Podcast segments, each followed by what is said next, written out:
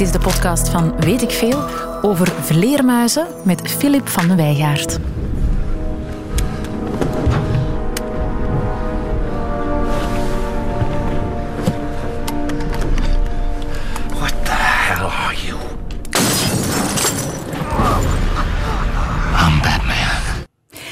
Batman, oftewel Vleermuisman, superheld met zijn bekende vleermuizen-logo en vleermuizen-cape. En vandaag bij mij te gast de Vlaamse Batman. Filip van de Wijgaard, vleermuis-expert bij Natuurpunt. Welkom. Ik heb hier een paar foto's voor me van vleermuizen. Ehm, vind jij dat een, een mooi dier, een vleermuis? Ik kan begrijpen dat, eh, dat mensen soms zeggen van dat zijn geen mooie dieren. Omdat er, er is een, eh, een heel grote variatie aan snuiten en oren en tandjes die ze laten zien hè, als, je ze, als je ze kort kunt benaderen. Dus ik kan me best voorstellen dat mensen zeggen dat zijn niet de schattigste dieren, maar ze zijn zo boeiend, ze zijn zo mooi, je leert er echt van houden. Maar vind jij ze schattig? Eh, ja, laat ik maar ja zeggen. Omdat je ervan hebt leren houden? Zo is het. Zijn ze Ja, soms is het schrikken, dat is waar. Als je, als je een eh, vreemde vleermuis voor het eerst ziet. Maar eh, ik, ben, ik heb er echt van leren houden, ja. Ja, het zijn niet de meest aanbeden zoogdieren op aarde. En sinds de coronacrisis zijn ze er al helemaal niet populairder op geworden. Maar is dat allemaal wel terecht? Alles wat u altijd al wilde weten over vleermuizen. Dit is Weet ik Veel. Fijn dat u luistert. De vleermuizen.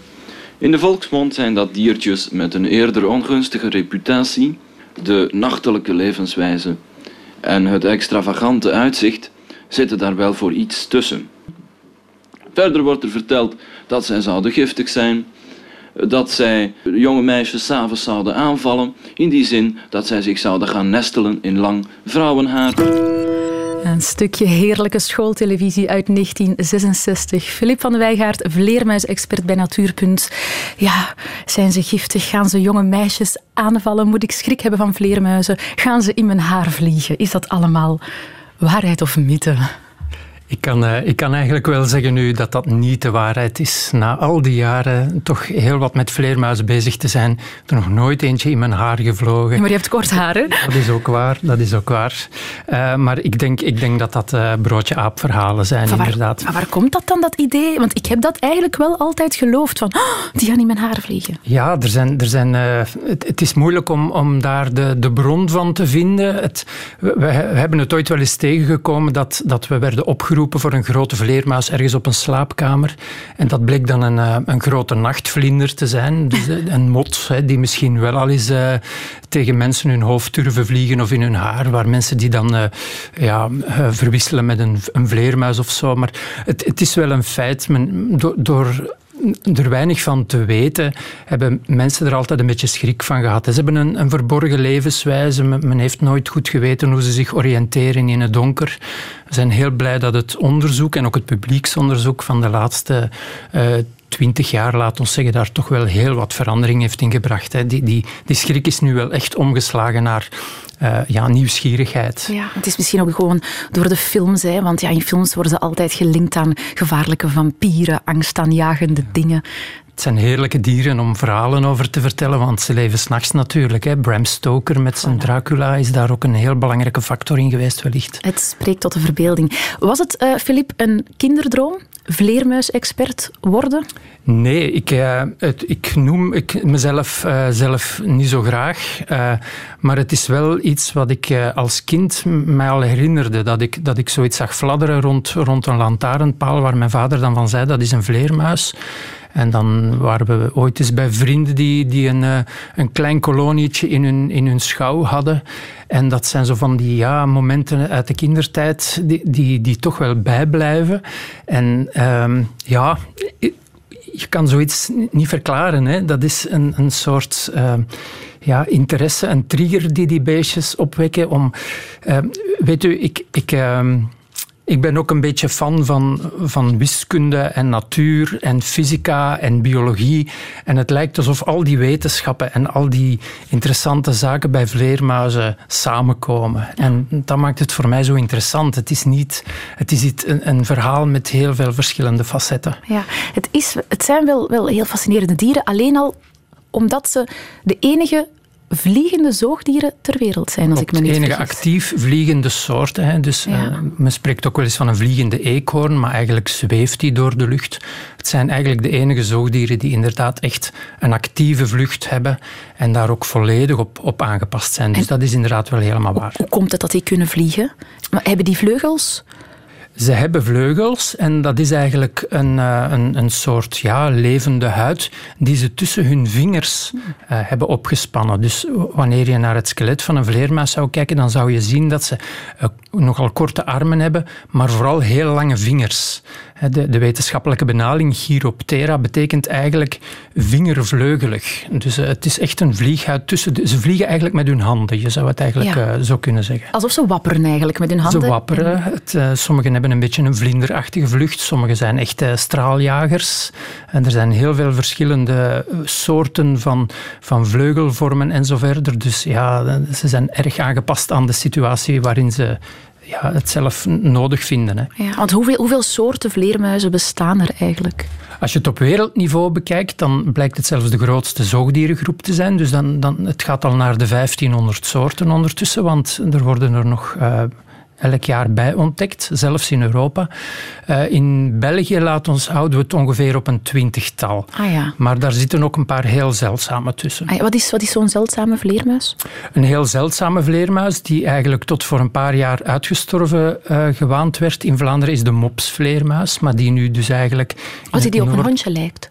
Of zo? Is dat het? Ja, het is, het is een beetje... Het is niet de moedersmooiste, zal ik zeggen. Ze lijkt niet echt op een hondje. De, eh, de laatvlieger lijkt misschien nog het meest op een hondje die, die nogal veel voorkomt. De mopsvleermuis heeft echt oren die boven de ogen staan. Dus echt en elkaar... Het is, het is een beetje een, een rare. Maar het is dus een paar jaar geleden ontdekt en blijkt nog een paar kolonietjes te hebben in de bossen van eh, Oost-Vlaanderen. Dus En, ja. en de meest voorkomende vleermuis in, in, in België? Dat zal ongetwijfeld de, kleine, de gewone dwergvleermuis zijn. Die, Ah, ja. die heb je werkelijk, denk ik, in elke straat. Eh, die zal bij heel veel mensen thuis ook wel een schuilplaatsje vinden. Ja. Die zijn er heel veel. En, en, en, en dus, want je zei het daarnet al, in, in schouwen rond lantaarnpalen. Ik heb het gevoel dat ik ze ook soms, als ik op mijn eh, balkon zit, eh, zie voorbij vliegen. Kan dat? Dat ik die Ja. s'nachts zie voorbij fladderen? Absoluut hoor, dan heb je heel veel geluk. Want dat zal eh, absoluut eh, het aantal muggen in de buurt van de slaapkamer sterk verminderen. Ah ja. Ah, ja, ik heb inderdaad niet zo heel veel last van muggen. Nu kijk eens aan, we Ah, moeten ze koesteren.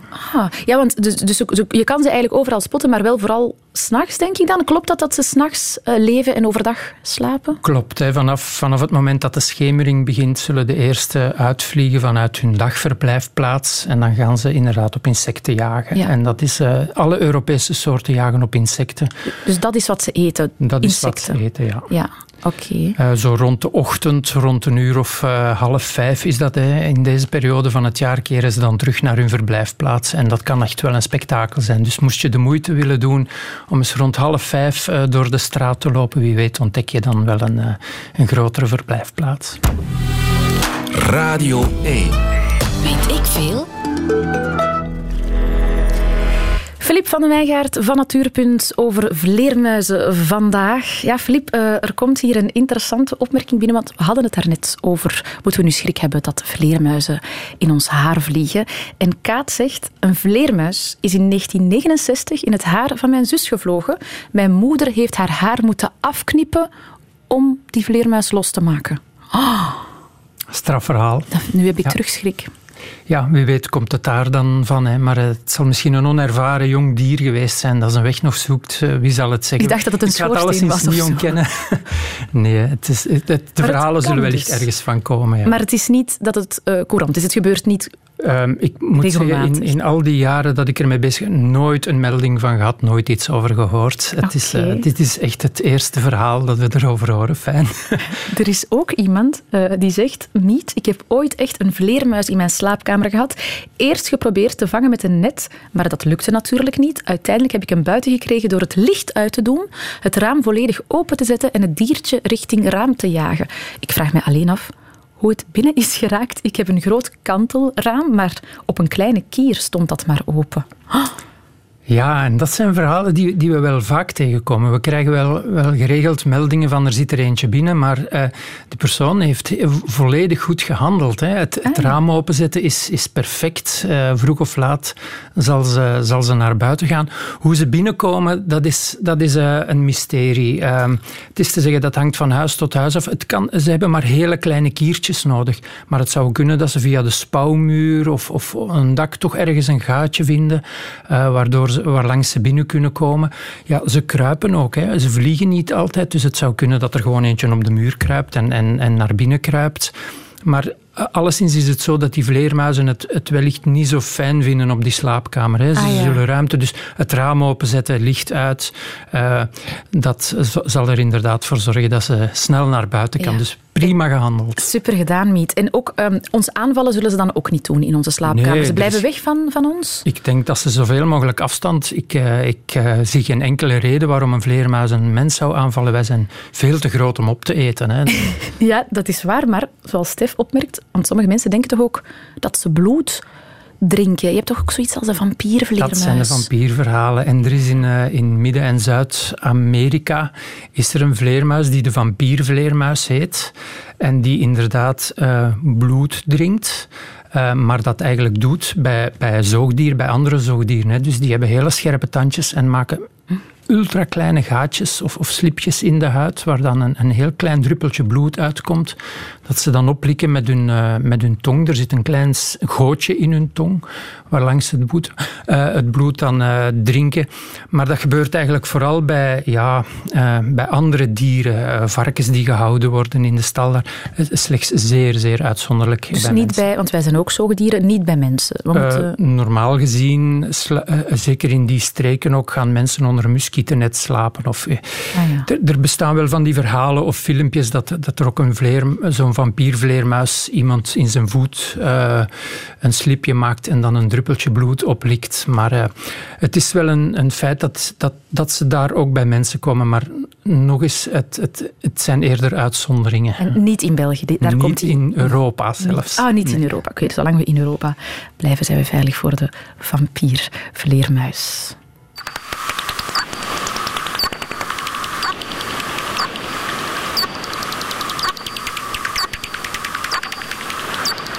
Dat, uh, dat is het geluid van een vleermuis, Flip? Uh, vleermuizen maken geluiden die wij niet kunnen horen. En wat je hier gehoord hebt, zijn uh, geluiden die, die opgenomen zijn met een, een vleermuisdetector.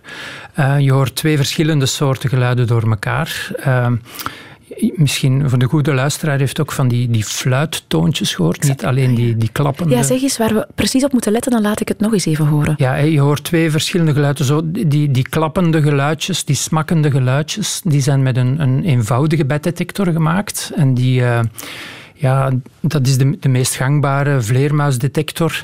Maar tussenin hoor je ook uh, fluitende toontjes. En dat zijn eigenlijk vertraagde vleermuisgeluiden. Dus eh, een vleermuisgeluid is te hoog voor ons. Maar wanneer je een geluid trager afspeelt, dan klinkt het ook rager, ah. lager. Ah. Denk maar aan de mensen die vroeger misschien een, een uh, 45 toerenplaat ja, afspeelden op 33 toeren. Dat klonk plots veel lager. Dus dat is een trucje om het geluid te verlagen. En door het te vertragen wordt het ook langer en kunnen we ook de structuren horen. Ah ja, dus, dus normaal horen wij dit niet in het echt, maar door die, dat systeem kunnen wij ons inbeelden hoe het klinkt. Voilà. Oké, we gaan nog eens luisteren naar die twee verschillende dingen.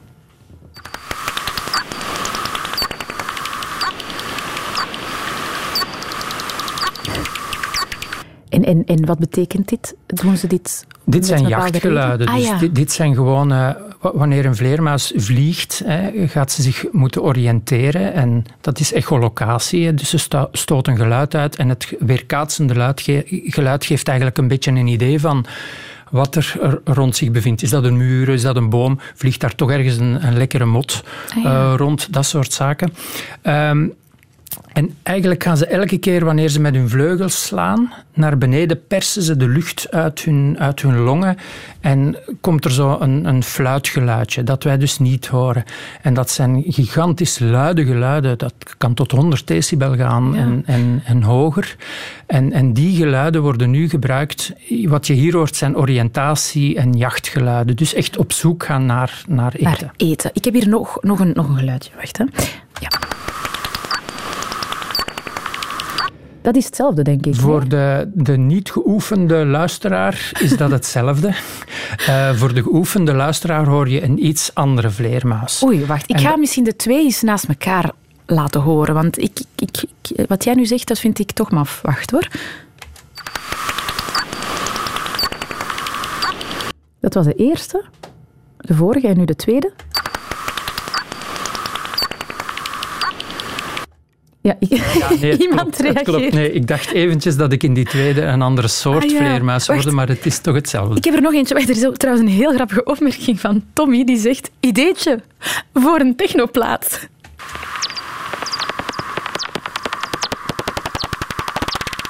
Ja, vind ik een Dit was een andere. Ik heb ooit, de geluiden die jullie nu horen, zijn, eh, zijn opgenomen in Mechelen, heb ik zelf gemaakt. En die zijn zelfs opgenomen ooit in een, eh, in een, kunstproject, een kunstproject voor, eh, voor Contour Mechelen. Ik denk een tweetal jaar geleden. Dus het, het zijn inderdaad grappige geluidjes. Ja. Uh, en zeker, het is, het is een vrij recente uh, wetenschap, namelijk de studie van die geluiden. Hè, want ik zei het, de geoefende luisteraar zal, zal wel verschillen horen tussen die geluidjes. En dan hoor je niet alleen verschillende soorten vleermuizen, maar ook de verschillende functies die die geluiden kunnen hebben. Zo zijn er echt ook sociale geluiden en paargeluiden te horen. En dat, dat kunnen echte, echte liedjes bijna zijn bij sommige soorten. Het is zeer, zeer boeiend wat we nu leren dankzij die toestelletjes. Weet ik veel? Filip van de Wijgaard, nog steeds hier over vleermuizen. Het doet wat met de mensen hoor. Er komen veel reacties binnen, dus je hebt gelijk, Filip. Het zijn enorm boeiende beesten. Ik ga nog eens even laten horen hoe ze klinken.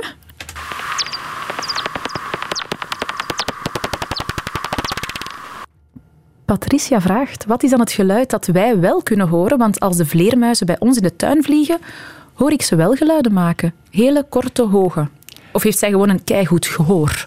Beide. Um, inderdaad, tot voor een paar jaar hoorde ik ze zelf ook nog. Um, ah. Er zijn een aantal sociale geluidjes die vleermuizen ook maken. Zo, zo, van, hé, hey, hier ben ik. Hè, of kijk eens hoe knap ik ben, kom eens naar mij. Dus waar ze, waar ze eigenlijk communiceren met elkaar. En die kunnen alles binnen de, hoor, de gehoorgrens van de mensen zakken. Dus ja, onder de 18.000 hertz heet dat dan. Eh, maar dan heb je toch mensen nodig die, die nog hele hoge tonen kunnen horen. Met ouderdom, met ouder te worden, de mogelijkheid om, om hele hoge tonen te horen. En sinds een paar jaar is het weg uh, bij mij nu. Dus ah, ik, ja. ik oh, heb uh, niet meer het, het voordeel, het, uh, het voorrecht om ze te horen. Dus jij kan hun sociaal getitter niet meer volgen. Mm. nu, Filip, we zitten nu in het midden van de zomer. Wat zijn vleermuizen nu aan het doen? Uh, om te weten wat ze nu aan het doen zijn, gaan we, gaan we eventjes een paar weken terug. Hè, uh, toen, toen, uh, toen de kolonies er waren, dat betekent dat de vrouwtjes eigenlijk groepjes gaan vormen waarin de jongen grootgebracht worden. Die jongen die zijn nu groot en kunnen zelf vliegen en gaan weg. Dus dat betekent dat die kolonies stoppen. En dan wordt er op dit moment eigenlijk nagedacht voor het nageslacht, hè, voor de, de generatie van volgend jaar. Dus vleermuizen zijn zich nu aan het vol eten voor de winter en uh, gaan paren. Ah, het is paartijd. Uh, het is paartijd. Uh, voor okay. een aantal soorten is de paartijd nu echt volop aan de gang. En, en hoe, hoe um, gaat dat te werk? Ja, de mannetjes die dus in de, in de kolonietijd, net na de winter, niet bij de vrouwtjes mogen, die gaan nu op zoek. En dat is... Uh, maar die mogen niet bij de vrouwtjes? Die mogen niet in die kolonies. Die, die kolonies, dat is echt een, een vrouwtjes... De feministische uh, ja, voilà. Die mannetjes die kunnen daar toch niks doen. Dus uh, in die crèche mogen alleen de vrouwtjes aanwezig zijn. Ah ja. Maar die mannetjes moeten natuurlijk er op een bepaald moment terug bij komen. Hè, als je volgend jaar weer kleine vleermuisjes wil. En de paring gebeurt echt voor de winter. Omdat ja, de meeste mensen weten dat wel, vleermuizen gaan in winterslaap. En uh, na de winter zijn ze ongeveer een derde van hun lichaamsgewicht kwijt. En dan is paren wellicht niet het eerste waar ze aan denken, maar uh, eten. Dus de paring gebeurt nu, voor de winter. Uh, maar de bevruchting, dat is wel speciaal, die gebeurt pas na de winter. Dus de, het huh? zaad van de mannetjes gaat opgeslagen worden in het lichaam van de vrouwtjes en wordt daar bewaard, eigenlijk een, soort van koelkastje, tot uh, na de winter. En na de winterslaap gaan de vrouwtjes dan zichzelf bevruchten. Huh? Dat is een uh, manier om, uh, om uh, te overleven, denk ik. Hè. Dat is een, een, een, manier om ervoor te zorgen dat, dat, dat die winterslaap geen, geen invloed heeft op, op foetussen of zo. Dus dat is een, en, en wacht, wacht, want je zegt ze gaan dan het sperma van het mannetje opslaan ja. in hun wat, baarmoeder of zo? Of, nee, ze, ze, hebben daar een speciale speciaal ik weet koelkastje, niet ja, zitten. maar daar ergens in die ja. zone. Ja. En is dat dan van, van, van hun hun mannetje of van hun... Of maakt dat niet... Le nee, ze paren met meerdere mannetjes, hoor. Ah. Ik, ja, ik, ik volg hetzelfde op het Fort van Walem, waar ik, waar ik graag kom. Uh, daar, uh, dat is op dit moment een echte discotheek. Uh, S'avonds in die kamertjes. het lijkt er een We zijn het nog, nog aan het onderzoeken of, of het nu net de mannetjes zijn die daar hun kamertje in, in palmen en dan de vrouwtjes die van fort naar fort trekken. Bijvoorbeeld hè, de fortengordel rond Antwerpen staat er een beetje voor bekend. Maar uh, er wordt serieus gepaard. En uh, nu op de, op de avonden, ja, dat is... Dat zijn echt, er zijn echte ontmoetingsplaatsen waar, waar ze elkaar opzoeken en waar het er heel hevig aan toe gaat. Wacht, en dan hebben ze sperma van verschillende mannetjes en al die sperma houden ze dan bij? Wel, het zal uiteindelijk de, de sterkste sperma zijn die, die natuurlijk... Uh, Gekozen wordt. Voilà, ook dat is een, een evolutionair iets. Hè. Hoe geniaal is dat, zeg? Ja, spermacompetitie, daar is zelfs een woord voor, spermacompetitie. Er zijn nog diersoorten die, die dat hebben, maar... Oh, maar wacht, dat vind ik even echt wel iets ja. heel maf en, en geniaal tegelijk. Dus die vrouwen hebben sperma van verschillende mannetjes die ze bijhouden. En dan na hun winterslaap gaan ze zeggen mm, ik vond dat precies toch de Ja, tofste, die ga ik gebruiken. Zij kunnen natuurlijk niet kiezen, maar het, het sperma dat van nature het sterkst is, zal, zal, zal, Zal- uh, zal overwinnen, denk ik. Hè. Ongelooflijk. Ja. Dat is toch, de natuur is toch iets Ja, het zijn echt fenomenaal. Zeer speciale dieren, laten we het daarbij houden. En, en beval, en dat vroeg dus ze leven niet in koppelverband. Ze, zijn, ze Nee. gaan als singles door het leven en ze gebruiken de mannetjes enkel voor het nageslacht. Zo is dat. En dan blijven de jongen bij de mama tot ze groot genoeg zijn? Tot ze groot genoeg zijn, zitten ze in die, uh, in die crèches, hè, Ja. wat we kolonies noemen. Want de mama moet natuurlijk s'nachts ook wel eens gaan eten en dan blijven de jongen achter. Vaak zijn er een aantal vrouwtjes die dan uh, bij de jongen blijven om ze te bewaken. Het zou ook kunnen dat er een keer een kolonieplaats verandert naar een andere plaats en dan dragen de, de vrouwtjes hun jong mee, uh, die zich dan vaak vastbijten aan de tepel tijdens de vlucht. Dus ja, het is een, een echte vrouwenbedoeling in de zomer. En dat zeg je met een prachtige grote glimlach op je gezicht, Ja, het, het blijven heerlijke beesten, echt wel. We doen dingen verkeerd. Bijvoorbeeld, uh, we eten vleermuis. Dat is al één grote fout. Het is misschien niet jij en ik die vleermuis eten, maar de mensen van de toekomst die maken geen onderscheid. Hè. Die gaan zeggen van in die tijd aten de mensen vleermuis. Als wij daar niet mee akkoord zijn, dan moeten wij daar iets aan doen. Dan moeten wij gaan naar China en zeggen van ja, het is misschien beter toch dat je geen vleermuis eet. Want je moet zien, dat is een beest, dat is een soort rat en dat hangt ondersteboven aan een grot. En wat gebeurt er? Als die, die vleermuis kaka doet, dan loopt dat zo naar het mondje. Dus ik denk niet dat dat een goed idee is om dat dier op te eten. Comedian David Galle is niet zo'n fan van vleermuizen. Filip van de Wijngaard, uh, de Vlaamse Batman, zit hier, uh, werkt voor Natuurpunt. Is het een goed idee om ze op te eten of niet? Heeft hij gelijk? Um, ik denk, als je het aan mij vraagt, is het geen goed idee uh, om ze op te eten natuurlijk. Hè. Maar uh, wat die urine en zo betreft... Ja, ik, eh, wanneer wij dieren eten, is dat nooit met huid en haar, denk ik. Maar ik zou ze niet opnemen, opeten. Um, ik weet ook niet of ze lekker zouden zijn. Zeker de Europese vleermuizen zijn, zijn insecteneters. En over het algemeen eten wij geen vleeseters, maar eten wij vegetariërs. Hè. Denk aan onze koeien en, en de geiten en mm de varkens. Um, dus ik, ik zou zeggen nee, blijf eraf. Ja, en, en, en David Galle zei ook, ook omdat ze zo een beetje vuil zijn. Is het zo of dragen ze ziektes met zich mee? Um, ze dragen ziekte met zich mee, maar dat is niet van, van vuil zijn, want vleermuizen zijn net heel proper op zichzelf, moeten heel veel poetsen om hun vleugels ook soepel te houden. Uh, maar het is wel bekend dat uh, vleermuizen dragers zijn van, van vele virussen.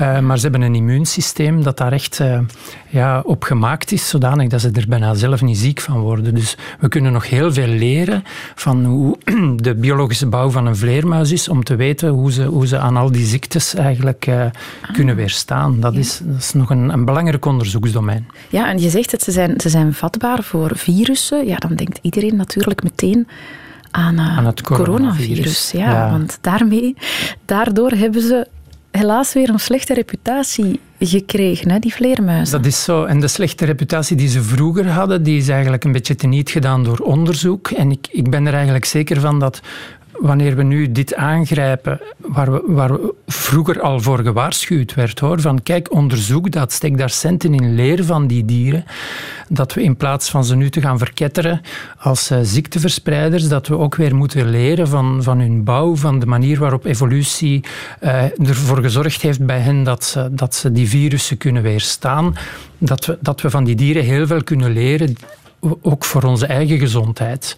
Uh, daar is nu heel veel onderzoek, vooral binnen het Verenigd Koninkrijk. In de Verenigde Staten lezen we ook wel wat rapporten die daar toch heel, heel interessante uh, resultaten uh, naar boven brengen. Hoor. Maar kan een virus, zoals bijvoorbeeld het coronavirus van vleermuis, op mens springen? We weten niet of het kan. Het, het kan alleszins, uh, of het rechtstreeks kan, dat is, dat is nog onduidelijk. Het is wel zo dat er inderdaad virussen zijn die afkomstig zijn van vleermuizen, die uiteindelijk uh, ziekteverwekkers worden bij mensen.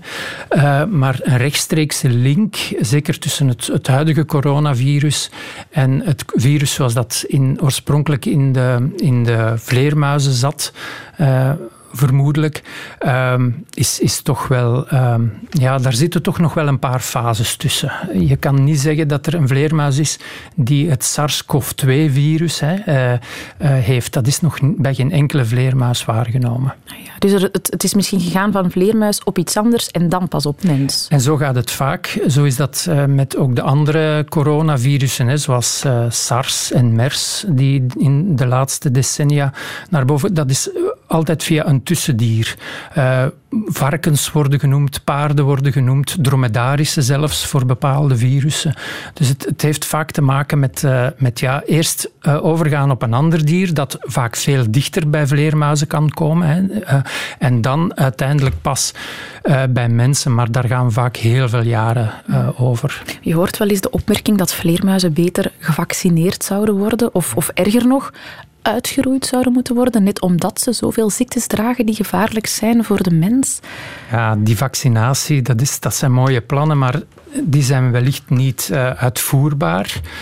Um, en wat het uitroeien betreft, dat zou ik toch ten zeerste afraden, want je, je moet niet uh, onderschatten welk een nut, eh, als we dan toch in die termen eventjes willen praten, welke nut uh, die diertjes ons, uh, ons bezorgen.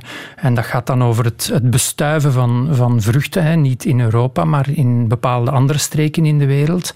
We zouden geen mango's of bananen hebben, je zou geen tequila kunnen drinken zonder de bloembestuivende vleermuizen die in die, in die streken leven. Dankzij vleermuizen kunnen wij tequila-shotjes drinken. Absoluut, absoluut. Dus, dus als er geen vleermuizen meer zouden zijn op aarde, het effect op de wereld is eigenlijk gigantisch. Is gigantisch, want het, eh, zeker in onze streken ook, zij zijn de de, de enige dieren die, die s'nachts insecten vangen. Uh, zo één nachtvlindertje kan, kan heel veel rupsen uh, voortbrengen. Die rupsen die eten dan gewassen. En dus eigenlijk zijn ze ook, houden ze een beetje de, de insecten onder controle die mogelijk nadelig zijn voor, uh, voor onze gewassen. En dat kan tot uh, in, in. Er is een verhaal uit, uh, uit de Verenigde Staten waar een vleermuizenpopulatie ingestort is. En waar door het instorten van die vleermuizenpopulatie was het nu 1100 ton insecten minder gevangen werden. Dus dat is, dat is gigantisch wat een kost uh, dat dat is voor, voor de landbouw in die streken. Mm. Men schat in de Verenigde Staten dat de vleermuis voor 3 miljard dollar aan uh, pestbestrijding doet. Dus dat betekent geen vleermuizen, dan zou je moeten insecticiden inzetten of zo, wat helemaal geen goed idee is. Maar dat spaart dan 3 miljard dollar uit. Dat zijn zo de getallen die, die je dan leest. Oké, dus ze zijn wel heel erg nuttig. Ze dat zijn is bijzonder wel... nuttig. Ja. Er is ook iemand die vraagt, want we weten nu dat van de insecten een vleermuis een gigantische vijand is eigenlijk. Maar er is iemand die vraagt, wat zijn de natuurlijke vijanden van de vleermuis dan weer? Door, uh, doordat ze s'nachts leven natuurlijk en een vliegende uh, levenswijze hebben en ze vliegen rond, zijn er eigenlijk heel weinig natuurlijke vijanden. Uh, overdag kruipen ze meestal ook goed weg op, op veilige plaatsen. al het gebeurt wel eens dat uh, voor vleermuizen die, die trekbewegingen maken, hè, dus die lange afstand trekken, dat die een keertje door een roofvogel gevangen worden. Of dat er ergens op een kerkzolder een kerkuil zit die een makkelijke prooi uh, ziet zitten op, op een balk of, of op de muur. Maar eigenlijk zijn er geen fundamentele uh, predators, geen fundamentele die, ja, vijanden. Radio 1. Weet ik veel? Filip, de vleermuisman, is nog steeds te gast. Um, jullie tellen bij Natuurpunt jaarlijks ook de vleermuizen? Ja. Um, hoeveel waren er bij de laatste telling hier in ons land? Um, wat we tellen zijn de, de vleermuizen die uh, winters slapen. Dus, en dan tellen we eigenlijk in, uh, in uh, de forten, de bunkertjes, de, de, typische winterverblijven, de grotten, de mergelgroeven en, en zo verder. ik kan daar ik heb uh, helaas niet het uh, juiste getal. Uh, het zijn er veel. laat ons zeggen dat het in sommige forten gaat over meer dan duizend vleermuizen. op andere plaatsen gaat het over honderd uh, of, of, enkele tientallen. Uh, in bunkertjes, uh, die kleine bunkers, gaat het maar vaak over, over een paar vleermuisjes. Maar het gaat over ehm, ja, toch wel aanzienlijk een, een, paar duizend vleermuizen, dat wel. Maar wel van heel specifieke soorten. Dus de dwergvleermuizen die gaan we niet tellen in de winter, want die zijn er zoveel. Ehm, ja, die zijn ontelbaar, denk ik. En, en wat zegt die telling dan voor jullie? Wat, wat, wat zegt dat dan over de situatie? Die telling die geeft, die geeft een, beetje een gevarieerd beeld. Uh, in de eerste plaats zien we voor een aantal soorten dat uh, de, de, de, aantallen toenemen, zoals de, de, de ingekorven vleermuis. Dat is een beetje een vreemde naam. Voor een soort die uh, wat zuidelijker voorkomt. En waar we hier zo een beetje aan de noordgrens van het verspreidingsgebied zitten. Wellicht de klimaatverandering, het, de warmere winters zorgen ervoor dat die, dat die het wat beter doen bij ons. En ook de bescherming natuurlijk. Voor anderen zien we uh, ja, toch ook wel dalingen. Het geeft een beetje een, een gemengd beeld, maar het, is ook niet altijd zeker of, of de winterslapers een goed beeld geven van, van uh, ja, de totale populatie. Want het is natuurlijk maar een heel beperkt. Ja, aantal soorten, een heel beperkt aantal objecten. Er zijn ook vleermuizen die tijdens de winter tussen boomwortels kruipen in de grond. En ja, die kunnen we natuurlijk niet vinden. Maar in de winterobjecten krijgen we toch een beetje een idee van, van, uh, van, van aantallen en trends. Want we doen dit nu ook al twintig jaar. En die trends zijn voor een aantal soorten gematigd positief. Ja, ah ja, toch positief. Want als ik hoor dalingen, denk ik, oei, zijn ze bedreigd? Er zijn ook zeker bedreigingen. En uh, we merken dat bij, vooral bij boombewonende vleermuizen, uh, zoals de rosse vleermuis, die, die eigenlijk zowel de kolonies als de winter doorbrengt in bomen. En ja, we hebben natuurlijk geen goede bomenreputatie in Vlaanderen. En, en de winterperiode is net vaak een periode waarin er heel wat bomen gekapt worden. Eh, er wordt nog altijd niet eerst gecontroleerd hè, op, uh, op, op zijn holtes, hè, zitten daar vleermuizen in, dus daar sneuvelt uh, al wel eens een vleermuis. Um, maar tegelijkertijd ook, geldt het verhaal ook voor huizen. Hoor. We, we, isoleren onze huizen beter.